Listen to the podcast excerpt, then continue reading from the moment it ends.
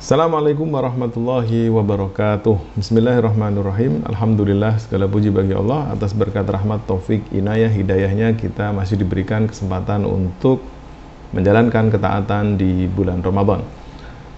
Bapak ibu sekalian Salawat dan salam semoga senantiasa tercurah kepada junjungan kita Nabi Agung Muhammad SAW Yang karena syafaatnya Dan karena ajaran-ajarannya Kita menjadi seorang muslim yang taat kepada Allah Subhanahu wa taala. Pada kesempatan yang baik ini eh, izinkan kami menjawab pertanyaan yang ditujukan kepada kami terkait dengan eh, Lailatul Qadar. Lailatul Qadar. Pertanyaannya menarik dan jadi pertanyaannya sudah bisa terbaca bahwa penanyanya adalah seorang perempuan tetapi meskipun penanyanya adalah perempuan, bapak-bapak ataupun kawan-kawan para cowok yang tergabung di grup ini juga penting untuk mengetahui maklumat ataupun informasi ini karena bisa jadi pada kesempatan tertentu istri kita, ibu kita, adik perempuan kita, kakak perempuan kita pun e, mengalami hal yang serupa. Jadi sesederhana pun informasi jangan pernah diabaikan. Baik, pertanyaannya adalah Assalamualaikum, mohon maaf mau bertanya Amalan-amalan apa saja yang bisa dilakukan oleh perempuan yang sedang haid di 10 hari terakhir bulan Ramadan agar bisa ikut mendapatkan malam Lailatul Qadar? Terima kasih terima kasih sebelumnya. Jadi pertanyaan ini ditujukan kepada kami tentang apa yang bisa dilakukan seorang perempuan yang sedang mengalami menstruasi di 10 ataupun di sepertiga akhir bulan Ramadan. Karena dia tidak bisa puasa Ramadan apakah dia bisa mendapatkan kesempatan bertemu Lailatul Qadar dengan e, melalui eh, amalan-amalan uh, yang lain apa saja? Pertama uh, Bapak Ibu sekalian kita akan mengupas secara perlahan ya uh, karena saya juga melihat ada beberapa salah kaprah. Salah kaprah ini salah tapi sering terjadi di tengah masyarakat terkait dengan mereka yang sedang menstruasi di bulan Ramadan. Pertama, kita semua sepakat bahwa orang yang sedang haid ataupun menstruasi memang tidak diperbolehkan untuk berpuasa karena syarat berpuasa adalah harus bersih ataupun suci dari haid dan nifas. Karenanya mereka tidak boleh berpuasa. Bahkan ada yang mengatakan haram hukumnya orang yang haid untuk melakukan ibadah puasa. Tetapi ada salah kaprah yang mungkin dalam beberapa kasus saya sering melihat di tengah masyarakat kita bahwa orang-orang yang haid ini kebiasaannya kembali seperti kebiasaan sebelum Ramadan, terutama dalam urusan makan. Jadi ada beberapa uh, saudari kita itu kalau menstruasi itu pola makannya kembali seperti sebelum Ramadan. Ada sarapan, makan siang, ada makan malam. Apakah yang demikian betul? Jawabannya adalah kurang tepat Bapak Ibu sekalian, meskipun orang itu sedang menstruasi, tetapi dia bisa mendapatkan ibadah dengan cara menghormati bulan Ramadan. Nah, caranya gimana kita dapat pahala menghormati bulan Ramadan itu adalah dengan tidak makan dan minum selama satu hari penuh. Jadi, meskipun namanya bukan puasa, tetapi dalam beberapa buku fikih biasanya disebut dengan istilah al-imsak. Imsak itu menahan diri untuk tidak mengkonsumsi makanan. Waktunya kapan? Dari subuh sampai maghrib sama saja. Jadi saran saya untuk ibu-ibu, mbak-mbak yang eh, menstruasi ya, tetap ikut sahur ya. Kemudian kalau keluarga di rumah apa namanya eh, berpuasa kita ikut berpuasa seperti mereka sampai nanti berbuka puasa. Jadi jangan karena tidak wajib berpuasa terus ada makan pagi, ada makan siang, terus juga minum kalau haus dan sebagainya. Jangan karena kita atau panjenengan punya kesempatan untuk mendapatkan pahala menahan diri dari makan dan minum selama bulan Ramadan. Jadi itu menghormati bulan Ramadan pun itu juga dapat pahala dan itu dianggap dicatat oleh Allah sebagai amal salih karenanya jangan salah kaprah ya apalagi eh, tadi kayak tidak di bulan Ramadan konsep makannya jadi tetap saran saya harus mengikuti apa namanya untuk menjaga agar tidak mengkonsumsi makanan secara bebas meskipun sedang tidak berpuasa. Itu poin yang pertama. Poin yang kedua adalah eh, apakah amalan yang bisa dilakukan? Bapak Ibu sekalian, pertama yang harus kita tahu bahwa ibadah itu banyak sekali ragamnya.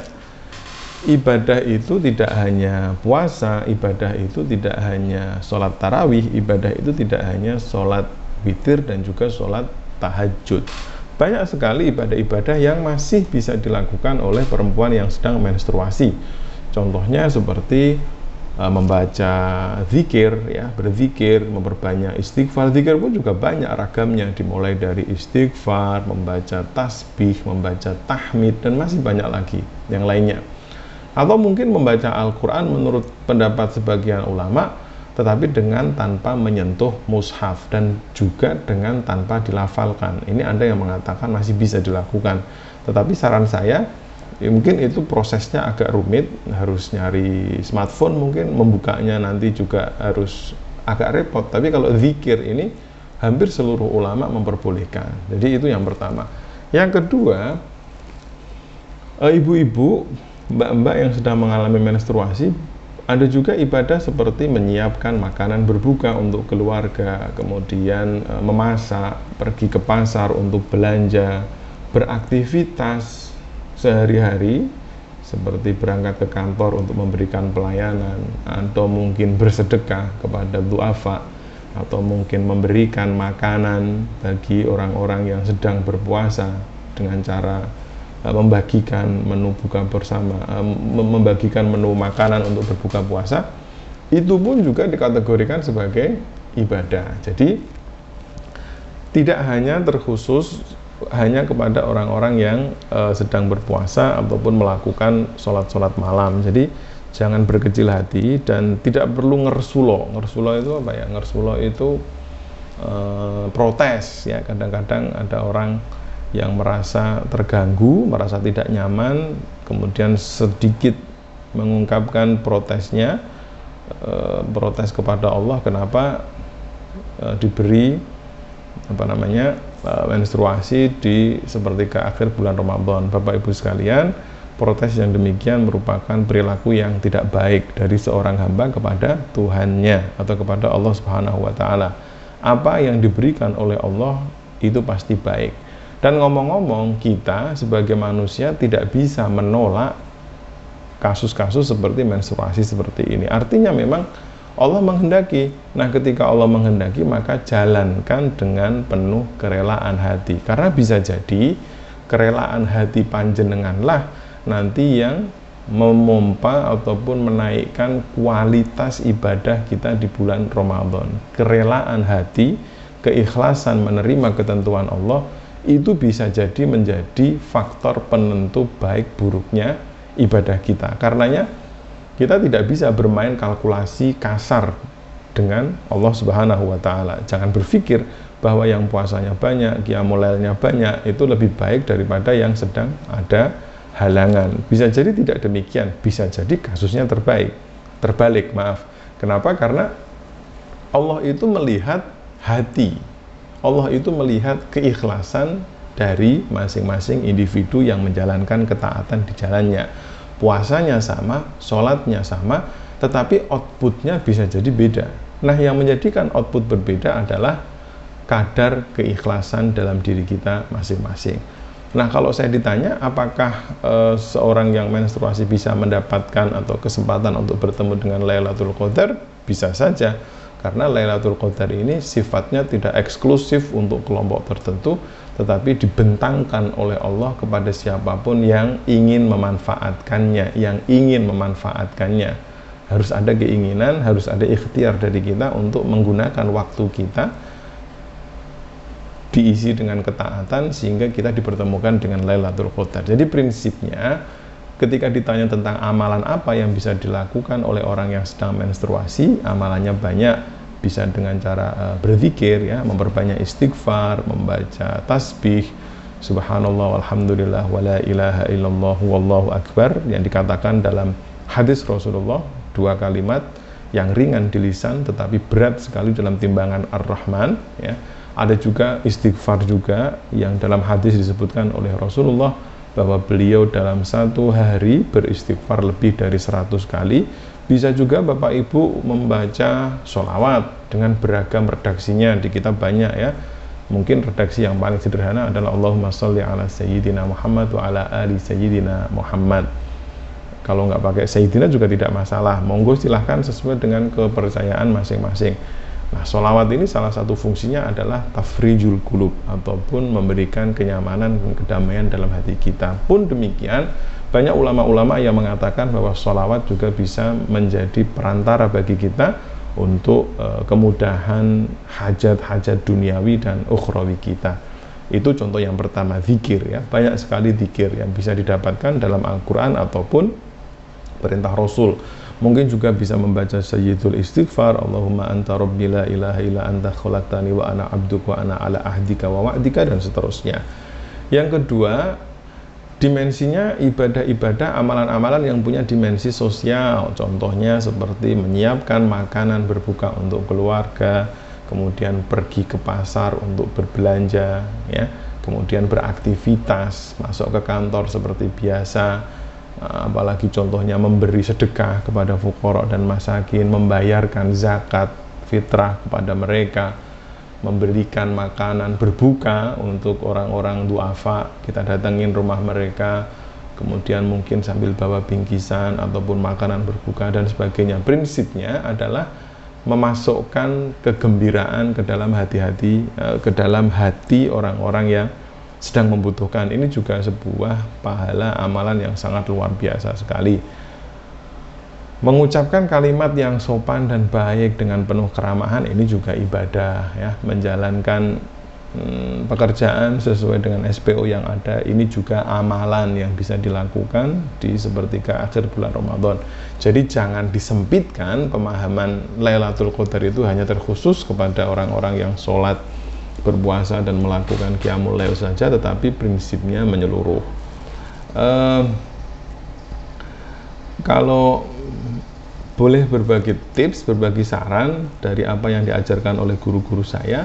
Biasanya yang paling sering dan saya pikir ini relevan dengan kondisi kita yang hari ini sedang diuji oleh Allah dengan eh, pandemi COVID-19 yang hari ini bisa kita lakukan adalah memperbanyak eh, ibadah-ibadah sosial seperti memberikan sedekah kepada sesama.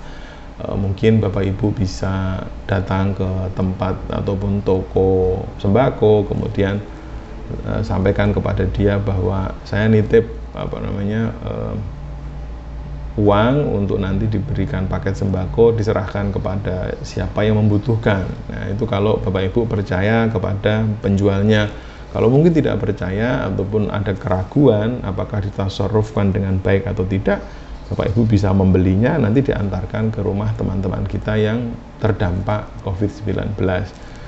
Bisa juga dengan uh, memberikan sedekah kepada anak-anak kecil yang kurang beruntung ya, mungkin di antara mereka ada yang ayahnya mungkin kehilangan pekerjaan ataupun ibunya yang awalnya bekerja tapi menjadi kesulitan. Hari ini kita butuh sekali uh, untuk memperbanyak amalan-amalan yang berorientasi pada uh, kesalihan sosial ataupun kondisi sosial yang ada di sekitar kita. Jadi jangan berkecil hati, jangan ngeresulo, jangan marah-marah karena menstruasi itu adalah ketentuan Allah yang dikhususkan bagi anak perempuan Nabi Adam. Karena itu ketentuan, maka kita tidak punya pilihan lain kecuali ikhlas dan ridho menerimanya. Karena bisa jadi ketentuan yang seperti itulah yang menjadi faktor penentu kualitas ataupun puasa Ramadan kita diterima oleh Allah Subhanahu wa taala. Karenanya nggak perlu protes, jalani saja dengan baik dan Allah itu skenario nya ataupun Allah itu dalam mengatur semesta salah satu yang menarik dari cara Allah mengatur alam semesta adalah dia selalu mencatat amal kebaikan sekecil apa pun itu yang pernah kita lakukan. Asalkan niatnya ketaatan kepada Allah maka lakukan saja dan insya Allah itu akan menjadi amal ibadah kita semua jadi itu tadi amalan-amalan yang bisa dilakukan. Mungkin kita terbatas amalannya, tidak sama seperti orang yang sedang tidak sedang menstruasi.